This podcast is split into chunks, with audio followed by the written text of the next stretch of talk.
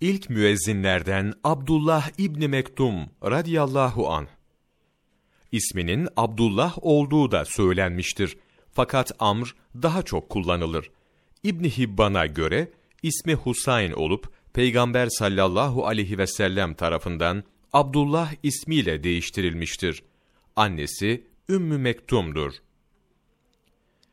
İbni Ümmü Mektum radıyallahu an ama bir kişi olup Mekke'de ilk Müslüman olanlardan ve ilk muhacirlerdendir. Peygamberimiz sallallahu aleyhi ve sellem hicret etmeden önce Medine'ye gelmiştir.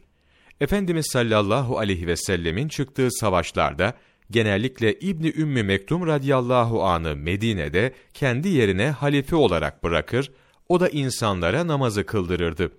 İbni Ümmü Mektum radıyallahu an elinde siyah sancak, üzerinde zırh olduğu halde Kadisiye Harbi'nde bulunmuştur. Begavi'ye göre Kadisiye'den sonra Medine'ye dönmüş ve orada vefat etmiştir. Katade radıyallahu an Enes radıyallahu anh'tan şöyle rivayet etmiştir. Peygamber sallallahu aleyhi ve sellem İbni Ümmü Mektum'u yerine halife bıraktığı kadar başkasını bırakmamıştır.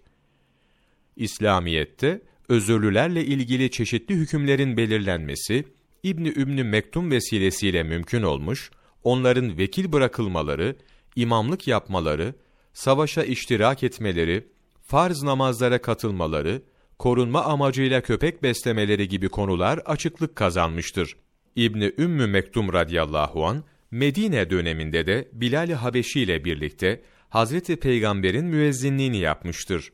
Ama oluşu yanında evinin camiye uzaklığını da ileri sürerek Resul-i Ekrem sallallahu aleyhi ve sellem'den cemaate gelmemek için izin istemişse de bulunduğu yerde ezanı duyduğu için bu isteği uygun görülmemiş ancak mazereti sebebiyle köpek beslemesine izin verilmiştir. Allahu Teala şefaatlerine nail eylesin.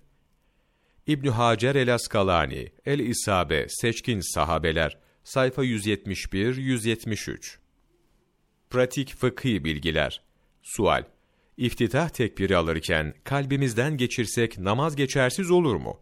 Cevap: Namazdaki iftitah tekbiri kıraat, tesbihlerin tamamı kişinin kendi duyacağı kadar sesli olmalıdır. İftitah tekbiri sessiz olursa namaz geçersizdir. Hem Hanefi hem de Şafii mezhebinde böyledir. Merakil Felah 5 Eylül Mevlana takvimi